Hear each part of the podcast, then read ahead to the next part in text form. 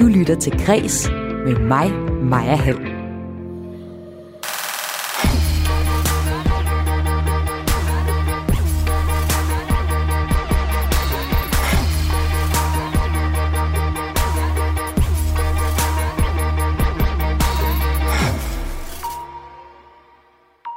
Er kulturjournalistikken en forvenlig vagthund, der begejstret klapper i hænderne over den seneste Jussi Adler Olsen krimi? Det spørgsmål stiller jeg i dag i vores sommertema Kultursamtaler, hvor jeg genbesøger det sidste halve års mest interessante debatter sammen med et panel. Derudover får du også, som altid, dagens kulturnyheder. Neongrønne lakstøvler, gennemsigtige lag i herremoden og kjoler af strik. Dansk mode præsenterer på CBH Fashion Week faktisk øh, noget ret gangbart tøj. Det mest kunstneriske udtryk, det finder du derimod blandt publikum, siger chefredaktør på Fashion Forum senere i programmet. Du kan også høre, at Britney Spears' far trækker sig som værve, og hvorfor Øresundsbroen lyser op i regnbuens farver. Jeg hedder Maja Hall. Velkommen til Kres.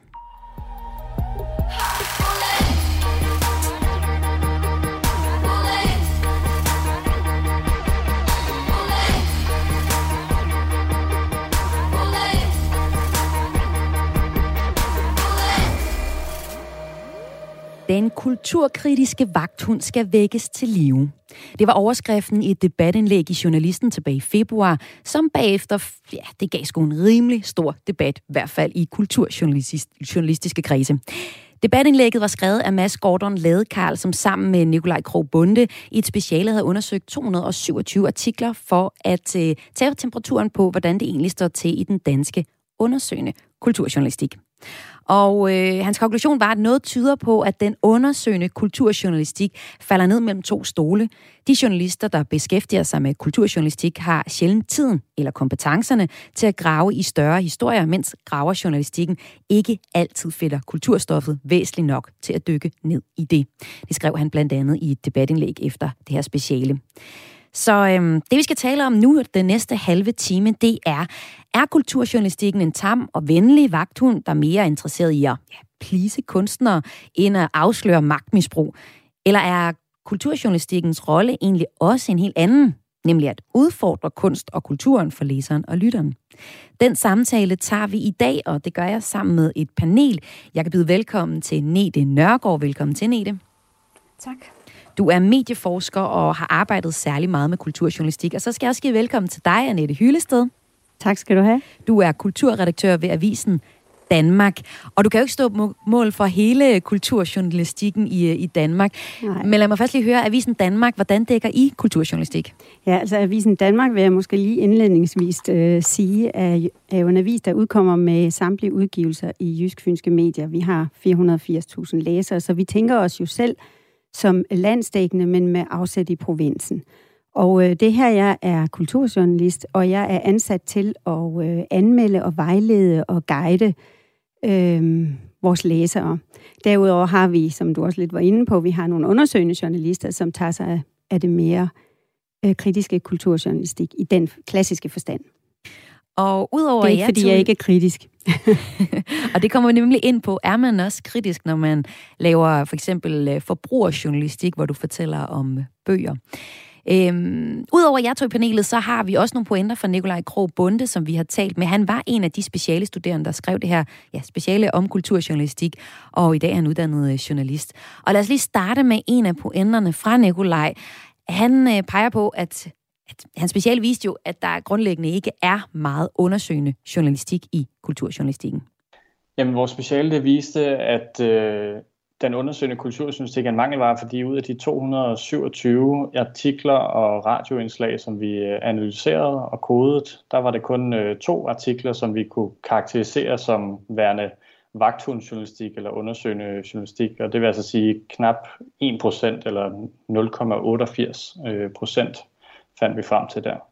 Jamen, vi satte egentlig øh, fire forskellige kategorier for undersøgende vagthund kulturjournalistik op. Øhm, og en af dem, det var om artiklen den indeholdt sådan afslørende dokumenter, altså for eksempel, man havde søgt agtindsigt, eller man havde øh, fået fat i nogle mailkorrespondancer eller fortrolige dokumenter. Øhm, og det andet kriterie, det var, om der ligesom var et, et stort øh, kildekartotek, som eller i hvert fald en masse kilder, som stod frem i sådan en flerstemmig kritik af et eller andet forhold, øhm, eller om det bare var en enkelt eller to kilder, som også havde noget dokumentation og bakke deres kritik op med. Øhm, og det tredje kriterie, det var, om der ligesom i artiklens indhold, det kunne betragtes som fyldig research, altså hvor det skinner igennem, at, at journalisten har haft sådan en, en længerevarende undersøgelse i gang, at øh, man for eksempel har øh, gennemgået en masse offentlige dokumenter, som jo egentlig er tilgængelige, men som måske først rummer en historie, når man, når man lige får kigget det nærmere efter i sømne eller man har foretaget en hel masse øh, rundringninger og, og snakket med, med rigtig mange kilder. Altså det skal vi ligesom være et tungt stykke journalistisk arbejde, der ligger bag. Øh, og så den sidste og fjerde er sådan lidt en joker, som man måske mest ser på tv, altså at man har arbejdet undercover, eller øh, at en kilde har været under dække med for eksempel en skjult mikrofon eller et kamera. Øh, og det er jo altså til forskel fra, øh, fra hvad skal man sige, almindelig kritisk journalistik, så er øh, fællesnævneren for det her, at det ligesom er bare et større, tungere og længere træk, man skal lave journalistisk for at, at kunne lave undersøgende journalistik, som vi definerede det i vores speciale. Og så kunne jeg tænke mig at starte med dig, Nete Nørgaard, som medieforsker. Kommer den her opgørelse bag på dig? Øh, det gør den måske ikke i, i særlig grad, men jeg synes, det er rigtig vigtigt at have for øje, hvad det er, kulturjournalistik er for en slags journalistik, når det er, at vi analyserer og diskuterer det her. Og det er også noget, det forskningen har interesseret sig øh, for igennem en årrække. Altså prøve at belyse, hvad der egentlig kendetegner kulturjournalistikken som journalistik, og også hvad der kendetegner den kulturjournalistiske rolleforståelse. Og det forskningen peger på er altså, at den her rolleforståelse på mange måder adskiller sig fra andre og mere traditionelle former for, for journalistik. Og journalistik er jo ikke én ting. Øh, den journalistiske praksis og journalistikkens formål varierer rigtig meget på tværs af stofområder, men også inden for øh, det samme stofområde. Så Nete, hvad kendetegner øh, kulturjournalistikken? Ja. Ja, så netop på, i, på det her felt, der taler man i forskningen rigtig meget om to forskellige paradigmer, øh, som noget, der ligesom bliver blandet i kulturjournalistikken. På den ene side sådan et æstetisk forankret paradigme, som trækker på sådan øh, æstetisk ekspertise, på et kulturkritisk blik, øh, forstået som sådan en, en faktisk kritisk grænsning af kunsten og kulturen, men ud fra kunsten og kulturens egne normer og, og, og, og præmisser. Altså øh, og det vil typisk være en tilgang, som det kunne det for eksempel være det noget af det, vi selv typisk vil forbinde med kulturanmeldelsen mm. som genre, som netop er en genre, der er så central for det her stofområde. Overfor det, så har man så det, man kalder for det journalistiske paradigme, som netop i højere grad trækker på de normer og værdier, som vi typisk vil forbinde for eksempel med nyhedsjournalistik eller med politisk øh, journalistik. Øh, så man kan sige, at de her to paradigmer clasher måske lidt, fordi de dermed også kommer til at gå til kulturen på ret forskellige øh, måder. Så jeg vil også sige, når man efterspørger mere kritisk kulturjournalistik, så det er typisk, fordi man tager udgangspunkt i det her journalistiske paradigme og ikke i det æstetiske, selvom det æstetiske paradigme i høj grad også er forankret i et kritisk og undersøgende blik, men det er altså på en anden måde. Og øh, nu siger du, der er de her, du deler du det op i, i to forskellige paradigmer, og øh, det er også to forskellige pointer, Nikolaj Grobunde har, efter han har set på kulturjournalistikken, og hvordan den be, bliver behandlet og, og arbejdes med. Og lad os lige øh, høre, hvad, hvad Nikolaj siger det vi fandt frem til i specialet, øh, både ud fra de medier, vi undersøgte, men også fra den litteratur, som vi har læst omkring øh, kulturjournalistik, det er, at der findes to paradigmer. I, øh, det ene, det kan man kalde for det journalistiske paradigme, og det kan være øh, for eksempel et program som Kulturen på B1, hvor man beskæftiger sig mest inden for øh, eller man beskæftiger sig mest med nyhedsgenren inden for kulturjournalistik, altså hvad rører der sig af nye spændende projekter, og, øh, og hvad for nogle ting kan vi ligesom også gå kritisk til. Og på den anden ende af det her, den her skala, kan man sige, der er det æstetiske paradigme, og det handler mere om øh, kulturen, altså hvordan vi lever igennem kulturen, og hvordan vi reflekterer os selv, når vi går på museum, og når vi ser film og så videre. Og det er her, hvor øh, information især måske placerer sig med deres type kulturjournalistik. Og det var så information, han brugte som eksempel her, men lad mig høre dig, Annette Hyllested, som kulturredaktør på Avisen Danmark. Hvor ligger du derhenne i forhold til de her to forskellige måder, der er at gå til kulturjournalistikken på, som vi jo både hørt her øh, blive ridset op af både øh, forskere og specialstuderende her? trang til at, at kommentere nu selvfølgelig. Jamen, øh, jeg er jo den, der anmelder og mener og øh, guider og vejleder, og det får mig til sådan lige at have en bemærkning til, øh, til Nete, nemlig det her med, at øh, anmelderi lagde du ligesom op til, var ud fra kulturens øh, normer. Øh, jeg ser det jo ud fra læserne. Altså sådan sagt virkelig helt ned på jorden, er det her pengene værd. Øh, det var bare sådan lige en kort bemærkning. Øh, jeg lige skød ja, jeg ind tror, på... min pointe var egentlig at sige, Undskyld, ja, nej, det var mere det der med at sige, at, at, at, at, det, at, at her kigger man på, på, på ny litteratur i sådan et historisk perspektiv. Man ser på, hvad det for nogle genremæssige øh, kendetegn, der er, og så mm. er det ind i sådan en æstetisk kontekst. Det var egentlig mere det, ja, der, der var min pointe at sige, at det er jo også en måde at analysere og grænske og gå kritisk til værks til, til et værk på, men, men det er bare ud fra nogle andre præmisser, end for eksempel, når ja. vi snakker om, om graverjournalistik eller lignende. Så det var egentlig med det, der var min pointe. Ja, fint, tak. Øh, og så vil jeg også sige det her med, at øh, øh, det her med den kritiske journalistik, får jeg også lige lyst, som, jo, som jeg ikke laver så meget af, eller det er i hvert fald et stykke tid siden. Øh, altså, øh, jeg tænker på, at... Øh, at vi kan jo godt, øh, vi kan jo godt øh, gå til, altså man kan jo ikke sige, at teater er en magtfaktor på samme måde som en, som, som, som anden klassisk kritisk øh, journalistik, sådan emnemæssigt. Altså man kan jo gå til en bank, altså man kan gå til alle mulige øh, øh, magtfaktorer og, og, og lave kritisk journalistik på, og det, og det tiltrækker også kritisk øh, journalistik. Øh, men, men, øh, men øh, kultur og teater og biografer og sådan noget er jo ikke en magtfaktor i vores, øh, i vores øh, land, sådan i traditionel forstand. Men man kunne jo lige spørge dig, Nete, er det i utraditionel forstand, har vi en, en demokratisk forpligtelse til at, at gå til kulturjournalistikken, som var det en magtfaktor?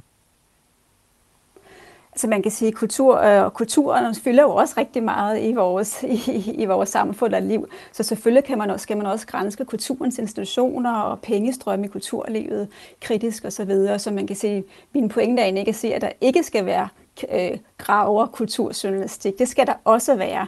Men det er vigtigt også at have en forståelse for, at kulturjournalistik også skal være noget andet end, end det, vi normalt vil forbinde med, med, med, med nyhedsjournalistikken. Øh, så, så jeg synes det selvfølgelig også, der er en forpligtelse til at kigge kritisk på kulturinstitutioner og på kulturaktører, og, og vi ser jo altså også for eksempel med MeToo-afsløringerne, at her har vi faktisk noget journalistik, som tager sit udgangspunkt i kulturindustrien, og som den grad har været dagsordensættende og, og, og afsløret forskellige øh, problematikker. Ja, jeg tænker faktisk lige præcis, at MeToo-afsløringerne ligesom øh, viser en helt en helt anden side af kulturjournalistikken, som vi også kan vende tilbage til. Men jeg kunne godt lige tænke mig at høre, Annette Hylsted, I laver også undersøgende journalistik inden for kulturen. For eksempel har I lavet øh, en serie om musikskolerne. Ja. Men, men hvor placerer du dig selv henne i, i forhold til den måde, du dækker kulturen på? Jamen, det er på øh, læserne, forbrugernes side. Altså på en måde tænker jeg mig selv som en forbrugerkulturjournalist. Ja. Ja, inden for kulturens verden. Og så vil jeg bare lige sige, at jeg er enig med Nete. Selvfølgelig skal vi lave kritisk journalistik. Jeg prøvede bare på at forklare, øh, at den kritiske tænkning måske kan få et twist her i kulturens verden. Fordi der er jo masser af eksempler. Der er MeToo, der er øh, hele diskussionen om mellem København og provinsen, den indvindelige diskussion, der er de lavt lønnede skuespillere, der er den fynske opera. Der er mange eksempler på kulturjournalistikken faktisk er også et sted, hvor man stiller kritiske spørgsmål til, ja. øh, til dem. Og det ja. behøves ikke altid at være kulturjournalister, der gør det. Altså i Jysk Fynske Medier kan det jo sagtens være nogle af vores mange udgivelser og lokalredaktioner, der arbejder kritisk med øh, den lokale kultur. Men jeg kunne tænke mig lige at opfølge et spørgsmål for dig, Annette, fordi der, der vil være nogen, der siger, jeg har i hvert fald hørt bekendte sige, at den type øh, journalistik, du laver, du kalder endda kulturforbrugerjournalistik, ja. at det er øh, nærmest ren reklame, og det burde vi bede, øh, det, det, det burde vi kun finde på reklamesiderne i magasinerne. Ja, men det er jo noget vrøvl. Hvad er det for en opgave, altså, du så løser? Jamen, den opgave, jeg løser, det er jo sådan, øh, er det pengene værd, fru Jensen? Altså, skal du møde dig hele vejen op til det her museum, og måske, øh, hvis det er på Sjælland, betale en bro? Hvad får du ud af det? Øh, og så kommer det næste kritiske spørgsmål, om det er bare min mavefornemmelse. Men så ryger vi jo ind i noget øh, i hele kunsten at anmelde, og det er klart, at anmeldere har jo set rigtig meget og øh, jeg har jo også en tjekliste, og det kan vi da også snakke om senere, hvad jeg kigger efter. Men min tanke, jeg er sådan set ligeglad med sådan lidt groft sagt øh, museets følelser og, og kuratorens følelser og kunstnerens følelser. hvis vi nu tager et museum som eksempel, nej, jeg, jeg går op i øh, læserne. Jeg prøver at være, være guide og, og, og kunne bruges til noget for dem. Altså Nete, som forsker, er det her egentlig ikke en, en helt anden, altså er det ikke et tredje, en tredje måde at gå til kulturjournalistikken på egentlig? Altså jeg vil sige, at øh, forskningen har i høj grad øh, kan man sige, peget den retning, som Annette også øh, peger på, netop, altså at man som kulturjournalist netop også ser, at man har en vigtig rolle i forhold til at, at formidle kulturen og mediere mellem, hvad kan man sige, kultur, kulturlivets aktører og så kulturborgerne, fordi man faktisk gerne vil have, at kulturen når ud til kulturbrugerne, og at øh, kulturbrugerne får en fornemmelse af, hvad foregår der på kulturscenen, og som Annette også siger, hvad der, hvad der er værd at bruge tid øh, og, og, penge, øh, og penge på. Øh, så det er i hvert fald en, en, en rolleforståelse, som, som forskningen også, øh, også øh, kan bekræfte. Dejligt. så lige her i, i den første del, hvor vi lige har et par minutter endnu, inden, til, inden vi skal til at kigge lidt på fremtidens kulturjournalistik, og hvordan den ser ud her i, øh, i lyset efter øh, MeToo-sagerne, som i den grad har bevist, at der også er kritisk kultur og undersøgende kulturjournalistik. Øh, øhm, et spørgsmål. Altså, kulturjournalistikken, den er jo blevet kritiseret, eller den, der har jeg i hvert fald kunne se, den er blevet kritiseret for at være for tæt på, eller ligefrem venner med kilderne. Altså, der har jo været eksempler på øh, kunstanmelder, det har jeg hørt, der også var kuratorer på udstillinger, eller anmeldere, som også laver PR-opgaver for kulturinstitutioner. Jeg kunne godt simpelthen høre, kan I se, der er et problem i her, at brancherne fletter lidt for meget fingre? Lad mig øh, starte med at høre dig, øh, forsker Nete. Øh, altså hvad kan man sige, det vi i hvert fald forskningsmæssigt kan konstatere, det er, at, at, at en del kulturjournalister faktisk har lidt mere prekære arbejdsvilkår end, øh, end andre typer journalister, der de har færre fastansættelser, arbejder oftere freelancer og kan dermed også ofte være nødt til også at påtage sig andre øh, hvad kan man sige, kommunikations- eller øh, ja, journalistisk relaterede arbejdsopgaver. Og der kan man måske godt forestille sig, at den her problematik, kan, kan, kan opstå.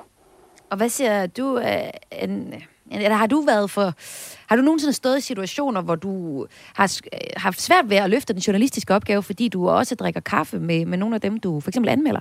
Nej, men jeg er jo også så heldig at være fastansat, øh, for jeg kender, jeg, jeg vil ikke stille mig fuldstændig øh, sige, det der, det ved jeg ikke noget om, det har jeg aldrig mødt, det har jeg aldrig set. Øh, men det er et problem, og det, det skal ikke være der. Altså, jeg kan godt være på fornavn med, med aktører, og vi kan have det hyggeligt, og vi kan være venner på Facebook, men de ved også godt alle sammen, at, øh, at jeg vil være kritisk, hvis, det er noget, hvis jeg synes, det er noget lort, de har lavet. Og det er men jeg også. vil være det på en ordentlig og argumenterende måde. Mm. Øh, og ja, og det er jeg. Og det her, det var så øh, første del i samtalen om kulturjournalistikken anno 2021. Nu skal vi prøve at se lidt fremad. Du lytter til Græs med mig, Maja Hall. Og her i den første halve time af Kreds, der taler jeg med et panel om kulturjournalistik. I panelet er Nete Nørgaard Christensen, der er medieforsker og har arbejdet særlig meget med kulturjournalistik. Og så har vi også en kulturjournalist med, Annette Hyllested, som er kulturredaktør ved Avisen Danmark. Derudover så har jeg lidt pointer fra Nikolaj Kro Bunde, der satte debatten i gang tidligere i år med et omdiskuteret øh, speciale om kulturjournalistik. Og øhm, i den her del nu, som jeg har sagt, der skal vi tale om fremtidens kulturjournalistik og vores ønsker til den. Og øh, med det så tænker jeg, at vi lige starter med Nikolaj Kro Bunde. Han mener nemlig, at fremtidens kulturjournalistik efter MeToo, som vi har lavet lidt ind på, reelt har en mulighed for at blive mere undersøgende, hvilket han savner. Altså man kan i hvert fald sige ud fra den undersøgelse, som vi lavede, øh, og det er jo det kan være, det er fint at få en, en disclaimer med her. Altså, vi undersøgte jo et, et helt år. Øh, ikke alle artikler på et helt år, men ud fra sådan en statistisk metode, hvor man udvælger øh, tilfældigt nogle dage. Og det var 2019, og det var egentlig rimelig afgørende, fordi at i løbet af efteråret 2020, hvor vi så skrev vores speciale, der kom der jo en masse historier med MeToo. Mange af dem lavet af kulturredaktioner eller om kulturinstitutioner. Og det havde jo helt klart, hvis vi kunne tælle det med i vores opgørelse, måske have ændret billedet. Det er i hvert fald vores fornemmelse af det. Jeg tænker, i hvert fald, jeg tænker helt klart, at, at fremad, der vil der komme mere af den her type kritisk kulturjournalistik. Det er jeg slet ikke i tvivl om, fordi at det er en, en branche, hvor øh, miljøerne er ret lukkede, hvilket vi også fandt frem til via vores interviews med de her kulturredaktører de har ret svært ved at få opbygget det her kildenetværk, og alle er ligesom gensidigt afhængige af hinanden.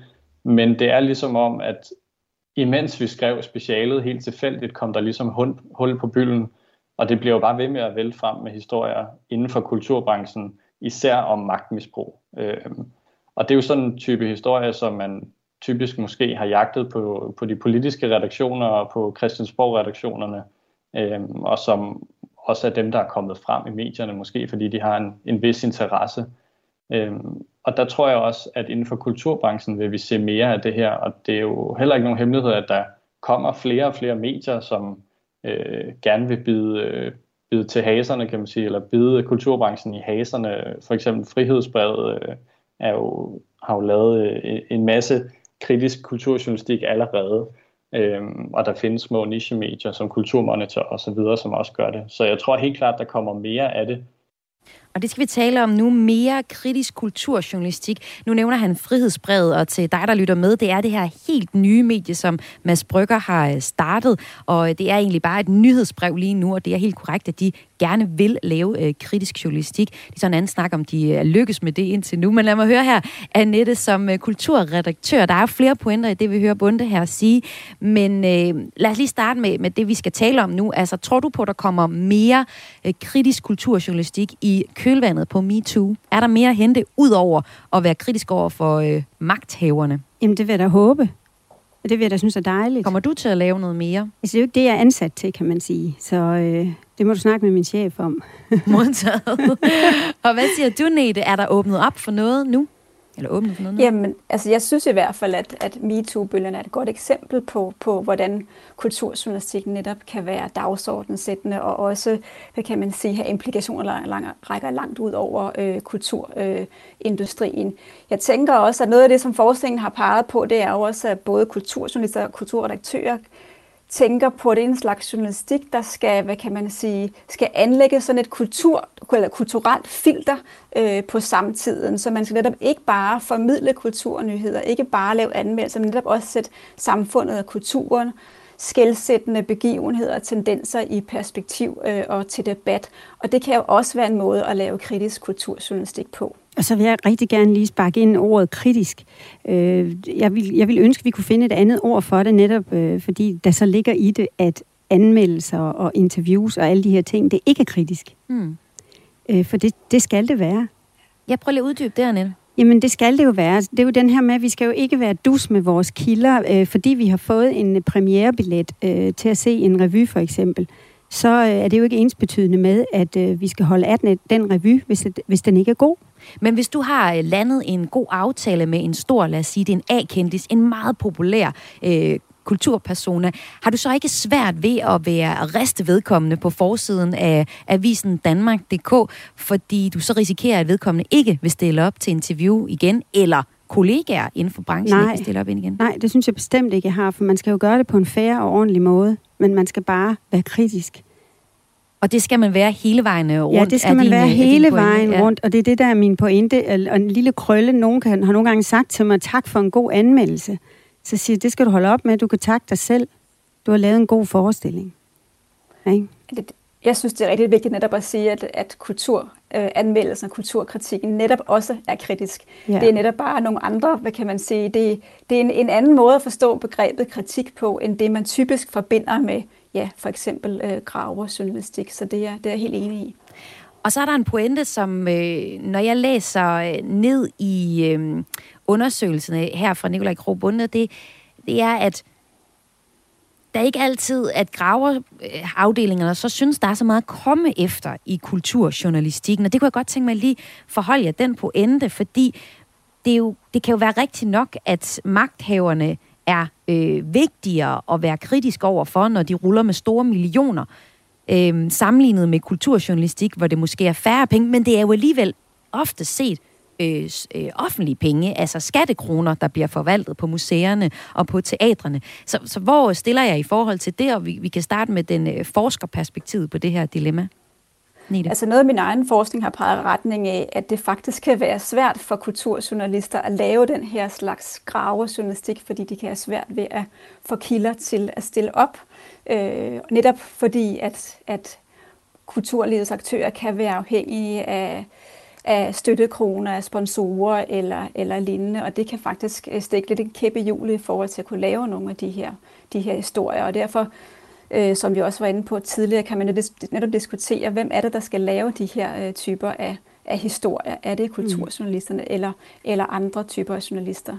Annette? Øh, enig, og, øh, og, øh, og jeg, vil også, øh, jeg vil også tilføje, at vi skal også passe lidt på, fordi selvfølgelig skal, selvfølgelig skal kulturlivet, altså offentlige penge, skal forvandles ordentligt og hæderligt, og der skal ikke være nepotisme, og der skal ikke være magtmisbrug, og der skal ikke være noget som helst. Men vi, end, vi, kan, vi, øh, vi skal også hele tiden have for øje, at kultur er som, er som regel ikke nogen særlig stor overskudsdrivende forretning. Altså, øh, vi kan hurtigt ende der, hvor, hvor det ender i sådan noget smagsdommeri, øh, at øh, hvis ikke det her museum det kan løbe rundt af sig selv, så er det ikke noget værd. Og så er der det andet perspektiv i det, Annette, som jeg ved, der også er en af dine kæpheste, det er kulturjournalistikken. Øh, hvis vi så skal se på fremtiden inden for kulturjournalistikken, ja. den måske skal løfte sine briller fra København og kigge lidt ud i resten af landet. Ja. Er dine drømme, hvordan, hvordan lyder de for, for kulturjournalistikken? Oh, ja, men der er jo mange, og vi har jo ikke, vi har jo ikke så meget tid, men, men øh, der sker jo utro, altså kultur er jo utrolig mange ting, og det er jo mere end de store klassiske institutioner, og der er jo, der er jo nybrud nu, der sker så meget. Du går en tur øh, ned i Svendborg, og så hører du teater i dine ørebøffer, som du har købt en app til, øh, og så lærer du en hel masse historisk og kulturelt på den vandretur. Altså, der sker en masse, også ude i, altså, i provinsen.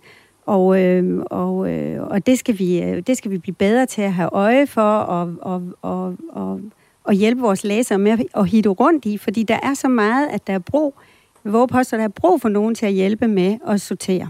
Og lige nu så uh, lancerer Jysk Fynske Medier, som Radio 4 og Avisen Danmark er en del af, en række nærlokale medier, ja. som nok også kommer til at fokusere på det helt nære uh, kultur. Det er jeg sikker på. Og, uh, og Nete, også afslutningsvis her til dig som, som forsker.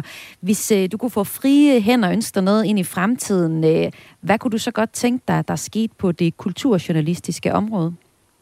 Jamen, jeg kunne godt øh, tænke mig, at kulturjournalistikken også fremadrettet skal være mangfoldig, altså forstået på den måde, at den både kan rumme det dagsaktuelle og det her kulturkritiske i æstetisk forstand, og så også det her mere samfundsanalytiske. Øh, og jeg håber ikke, at kulturjournalistikken kun bliver mere og mere som andre former for journalistik, altså for eksempel mere nyhedsdreven eller mere graveorienteret. Det skal den selvfølgelig, skal den selvfølgelig også være, øh, men det, som netop giver det her stofområde sådan en, en særlig plads i informationskredsløbet, det er netop, at man her kan finde øh, nogle andre perspektiver på, på kultur og samfund, øh, og, og, og, og øh, perspektiver, som i høj grad er forankret sådan i et, i et, et kritisk og et æstetisk og et, et, et, et vidensbaseret øh, perspektiv. Og så vil jeg lige sparke ind, samtidig med, at vi er relevante for læserne. Fordi det kan ikke nytte noget, vi sidder i en boble og selv synes, det er vigtigt, hvis ikke læserne gør det. Og gør vi lige nu det? I kulturjournalistikken? Jeg ved ikke, om vi gør det lige nu, men der har måske været lidt en tendens. Mm. Øh, det er meget vigtigt, at vi er relevante. Vi skal selvfølgelig også give læserne noget, de ikke vidste, de gerne vil have. Men, men øh, vi har jo brug for dem, og de har brug for os. Og det bliver det sidste ord i samtalen i dag i Kultursamtaler, hvor vi altså kiggede på kulturjournalistikken. Og tak fordi I var med, Nete Nørgaard Christensen, medieforsker, der arbejdede blandt andet med kulturjournalistik. Og også tak til dig, Annette Hyllested, kulturredaktør ved Avisen Danmark.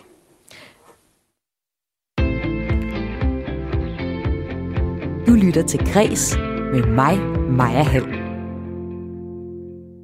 Elton John og Dua Lipa har lavet et nummer sammen, der hedder Cold Heart, og det blander en række af Elton Johns hits, og øh, det skal vi høre nu. Dua Lipa har egentlig øh, faktisk tidligere, øh, eller har i det her samarbejde indgået øh, med, øh, med Elton John, øh, og den sådan også elektro, elektroniske trio Pinau, der er øh, en, øh, en, nogen, der laver remix, og de har faktisk lavet det tidligere med Elton John. Og nu, alle tre, de har lavet en ret klubparat single, som der er sådan fuldstændig problemfrit brænder. Nogle af John, øh, Elton Johns elskede numre, for eksempel øh, Kiss the Bride og også Rocket Man. Og det snupper vi nu. En dejlig omgang mishmash, men det lyder virkelig fedt. Det er Cold Heart, og det er med Elton John, Dua Lipa og Pinau, og det kommer her i kreds.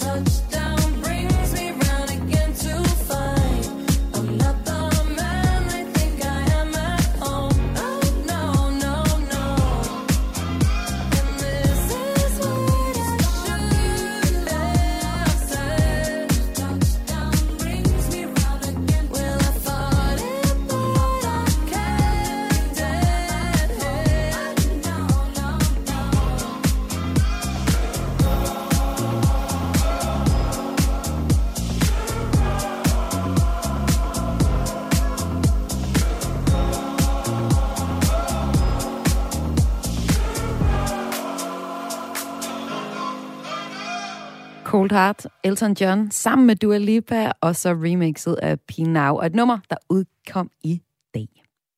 Modeugen Britney Spears og øh, Pride. Her kommer kort nyt og perspektiv på kulturen i dag. Vi starter med Britney Spears.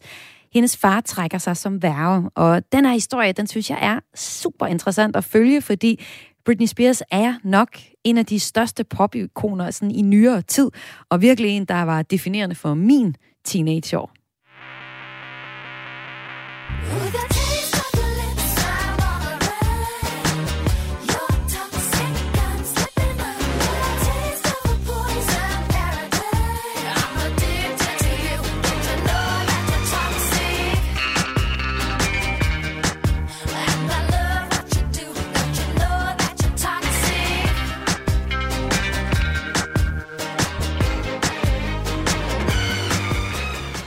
Men siden 2008, hvor hun året for inden offentligt brød sammen under det psykiske pres, det er at være popstjerne, der har hendes far haft det totale ansvar for den nu 39 år gamle sangerinde.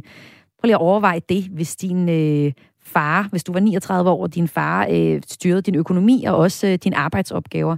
En ret vanvittig tanke, ikke? Britney Spears har i lang tid ikke kommenteret direkte på det her værgemål, men øh, fans har opsnappet, hvad de har ment var små hints om, at øh, hun har det rigtig skidt, og det skyldes det her værgemål, og de har så skabt den her bevægelse, der bliver kaldt Free Britney. Det har blandt andet The New York Times undersøgende redaktion lavet en øh, dokumentar om, den hed Framing Britney Spears en dokumentar, hvor altså, jeg blev egentlig ikke meget klogere på Britney Spears' situation, men klogere på, at der var et super stabilt, øh, en ret stabil fanbase, der havde, hvad vi på det tidspunkt øh, måtte formode, var en konspirationsteori om, at hun nærmest blev holdt fanget, øh, til fange af sin far og tvunget til at arbejde. Efterfølgende, altså efter den her dokumentar, så har Britney Spears selv sagt, at hun ønsker, at faren trækker sig og det sker så nu. Jamie Spears trækker sig tilbage efter 13 års værve for sin datter, øh, der jo så ønsker, at det her værgemål skal ophøre. Det skriver magasinet Verity, som Gaffa har opsnappet historien fra, hvor jeg læste den her til morgen. Og det var sådan, at de øh, i går, torsdag den 12. august, der indgav James, øh, Jamie Spears en formel ansøgning i retten i Los Angeles om at træde tilbage som værge. Og han skrev i den forbindelse, at han ville øh, samarbejde med retten om at få overdraget værgemålet til en anden, men angav så ikke nogen tidshorisont. Så det lyder jo som om, at Britney Spears ikke får den her totale frihed, som i hvert fald hendes fans drømmer om i, øh, i Free Britney. Ifølge øh, Jamie Spears' advokat, så er øh, det den offentlige kamp med sin datter, der er årsagen til, at Jamie Spears ønsker at trække sig. Altså jo nok den kamp, man ser udtrykt, udtrykt i de her dokumentarer. Og advokaten siger samtidig, at det ikke er nogen, der er ikke nogen faktiske grunde til, at Spears bør suspenderes eller fjernes. Altså der ikke er nogen problemer, i hvert fald som, som hans advokat siger.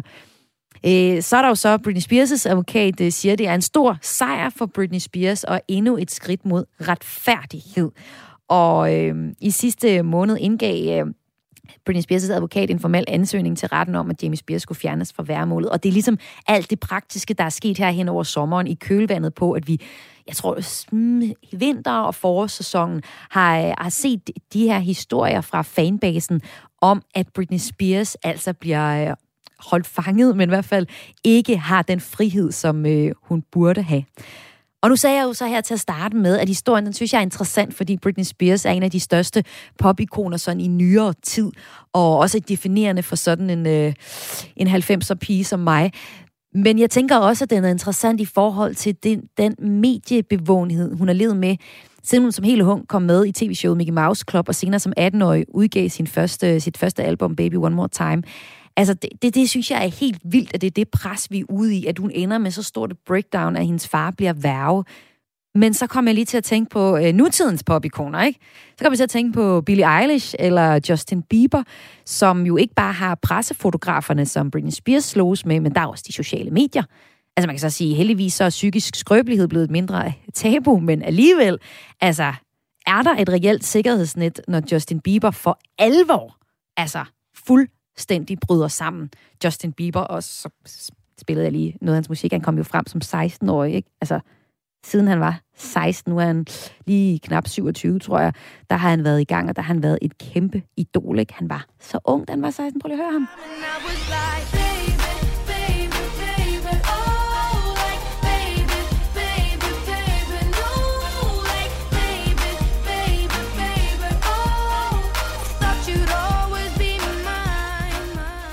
Håber altså, vi passer på de her pop-ikoner. Københavns populære skibakke er i store problemer, det skriver politikken. Og det drejer sig om det her, ja, det er altså et prestigeprojekt af en skibakke, der er bygget ovenpå et forbrændingsanlæg på øh, Amager i København. Det er Bjarke Engels Group, uh, Group der er altså Big, der er arkitekten bag det, og øh, har et helt fedt navn, det den hedder Copenhagen. Og øh, det er så den her skibakke. Den har det ikke så godt. Underlaget er ifølge fonden Amager Bakke snart så slidt, at den øh, kan udgøre en sikkerhedsmæssig risiko, og regningen lyder på 9,5 millioner kroner. Og øh, som om det ikke skulle være nok, så fremgår det i et notat øh, fra den 21. juni, at allerede efter få måneders drift af bakken, så kunne man se punktvis slitage de steder, hvor øh, skibelægningen er monteret fast i tagbygningen. Altså, det er noget værd juks, der er blevet bygget. Skaden er i hvert fald nu så slem, at bakken risikerer en midlertidig lukning, og måske en ret lang lukning. Fordi øh, det er ikke helt til at finde ud af, hvem der skal betale det. Det diskuterer lige nu fonden Amager Bakke, forsikringsselskabet Tryk og hovedentreprisen Dansk Halbyggeri. Men det er så noget, de sidder og bøvler med i øh, København og det her prestige-projekt, som altså hedder Copenhagen. Jeg fremragende navn, jo, er det ikke? I går begyndte World Pride i København og Malmø, og for at markere det, så lyser Øresundsbroen op i regnbuens farver. World Pride finder sted øh, hvert andet år og kulminerer i den her store Pride-parade i øh, København. Og for første gang så afholdes World Pride sammen med Eurogames, som er en sportsbegivenhed endnu en sportsbegivenhed, ja, for LGBT plus personer. Og World Pride, den øh, foregår så ja, fra i går og frem til den 22. august. Og der er selvfølgelig noget musik, når der er Pride, og det er Aqua, der står for musikken i år. De udgav tidligere på sommeren deres fortolkning af I Am What I Am til Copenhagen øh, 2021 World Pride. Og øh, lige præcis det her nummer, det er en fortolkning. Det er øh, Gloria Gaynors øh, disco-klassiker, som hedder I Am What I Am, som der er blevet sådan et symbol på personlig frihed og en global hymne, hymne for LGBT øh, plus fællesskabet. Og lad os lige, øh, ja, det lyder altså sådan her, når Aqua fortolker det.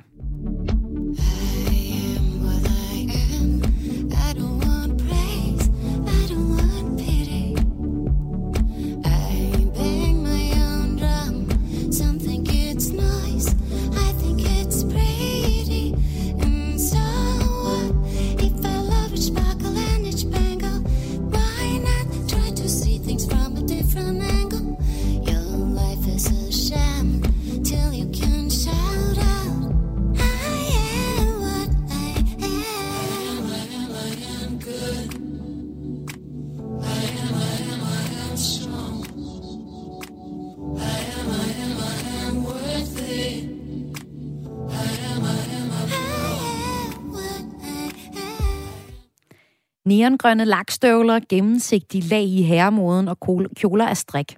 Copenhagen Fashion Week, altså den anden årlige modeuge i København, slutter i dag.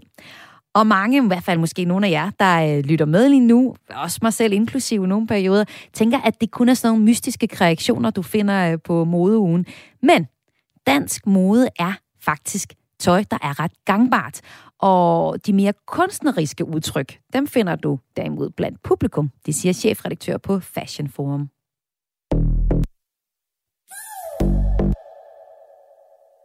Yeah. Yeah. Fashion shows, fancy clothes. That's just the way it goes.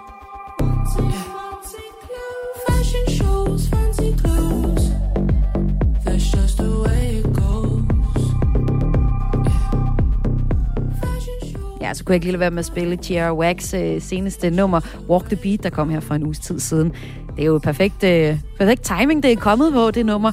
Og øh, med det, så kan jeg sige velkommen til dig, Carla Christine Brugs Ågaard Strube, chefredaktør for Fashion Forum. Velkommen til. Tak skal du have. Du tak er på modeugen. på. Ja, det er jeg glad for, du synes. Du er på modeugen lige nu, og lad mig bare lige sådan høre, hvordan har øh, ugen været for dig øh? Øh, altså ugen for mig er først og fremmest enormt travl, fordi jeg, øh, selvom det lyder glamorøst med en masse shows, så anmelder vi alle de shows, der er på, på Fashion Forum, og derfor så øh, styrter vi rundt med et team af, af otte journalister og øh, prøver simpelthen at være til alle shows på en gang. Så det er en, det er en travl og sjov uge med øh, et, essensen af modebranchen, hvis man kan sige det sådan. Og Fashion Forum Øh, er, det her, er det her øh, online magasin, hvor, I, øh, hvor jeres ja, hovedområde, det er simpelthen øh, moden, og mode også i, øh, i Danmark.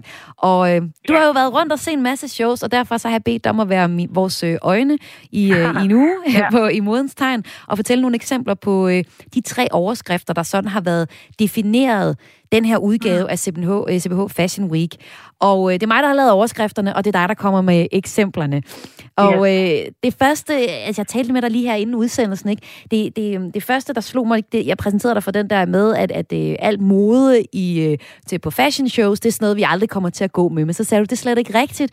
Det, øh, det kommer, vi- der er masser af, af, af tøj, som er meget gangbart. Men der, hvor det ser helt vildt og gakket ud, nogle gange måske, det er blandt publikum, blandt nogle af de Ja. influencer, der kommer og ser showsene. Så jeg kunne godt tænke mig at høre allerførst øh, det vildeste tøj-outfit, du har set en øh, influencer bære i den her uge. Jamen altså, jeg vil godt, altså, der har været en enorm kreativ, hvad hedder det, kreativitet hos de influencer, der er kommet til showsene. Det har været ligesom sådan en, hvad skal man sige, sådan en ballon, der er sprunget, og alle vil ses og, og høres, og de vil til fest. Øh, I går så jeg en øh, to meter høj hat og kjole i skrigende pink. Øh, jeg så ikke engang, hvem der var inde i den øh, kjole der. øh, men, øh, men, men selve det der look, det husker jeg ikke. Og det er, altså farverne er ekstremt mange, og køn er flydende. Øhm, og øh, man ser simpelthen så mange forskellige måder at style sig på, både med vintage og nye ting. Så det der med bare at hive et sæt på fra en designer, det, øh, det synes jeg ikke, vi så meget af. Jeg synes, vi så virkelig øh, nogen, der, der ville frem. Der har været Og var kreativ også. Ja. Ja, og måske meget. også på grund af coronaen, ikke? Man har ikke haft så mange muligheder for at komme ud og, og flashe de fede påfund, som, øh, som man har kreeret måske også. Ja. Altså, man kan sige, det er jo en meget social branche, og det er Mm. også en branche, der gerne vil ud, og det er en taktil branche, som, du ved, vi vil gerne rundt og mærke på stofferne og ses og være i kontakt. Øh, så det er helt klart, at øh, både shows og, øh, og branche og det, der finder sted af handel på messerne, og så hele influencer-gamet, det er, at vi er ligesom altså nogle vedløbsheste, der har stået og, og ventet på at komme i managen eller ud på banen. Ja, for man kan sige, at øh, modeugen, at der er to modeugerne i, i København, ja. de er en, det er en branchefestival, hvor øh, at, der, der skal ligesom ses både trends, men også findes ud af, hvad skal der forhandles i de forskellige øh, butikker. Ja. Og så er der også hele det her, den, den her, øh, de her influencer, der besøger øh, modeugerne. Kan du lige prøve at forklare, hvad laver de egentlig til, øh, til de her forskellige shows?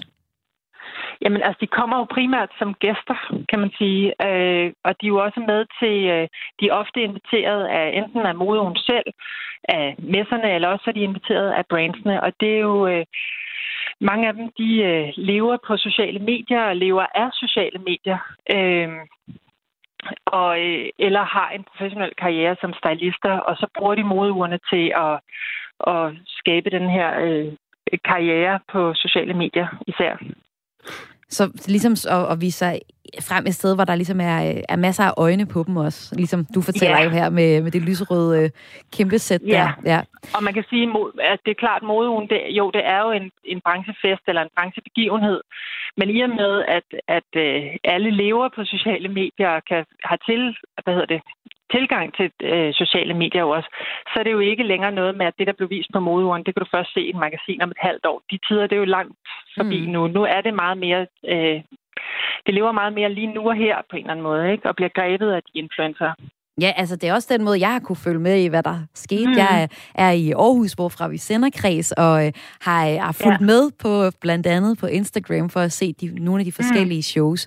Og øh, selvom du nu så siger, at, at dansk mode egentlig er ret gangbar, det er okay nemt at tage det tøj, som man ser på en catwalk, og så tage på, uden at man ligner en, der undskyld, ligner en, der skal til fastelavn, eller i hvert fald øh, lave Ja. et, øh, et, et stort kun- kunstnerisk øh, udtryk. Men så er der jo showsene. Det er jo en helt anden historie ja. for sig, fordi her vil de forskellige mærker rigtig gerne gøre opmærksom på sig selv. Og det har du selvfølgelig også oplevet, så kan du prøve at fortælle nogle af de vildeste shows, du har været til her den sidste uge?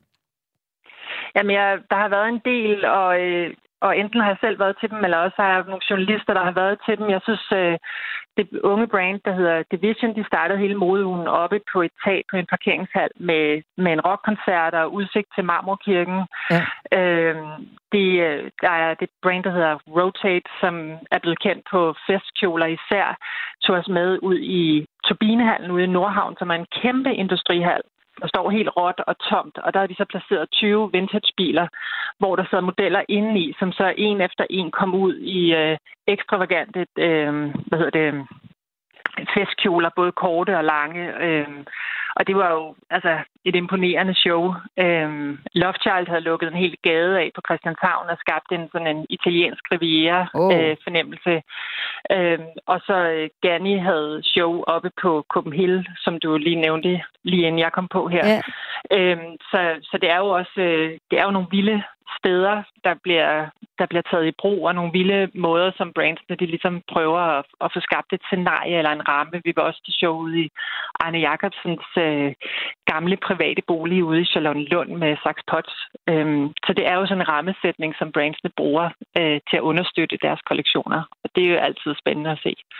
Og det er jo nogle helt vilde shows, lyder det til, og har jeg også kunne, øh, kunne se, når jeg har kigget på de sociale mm. medier.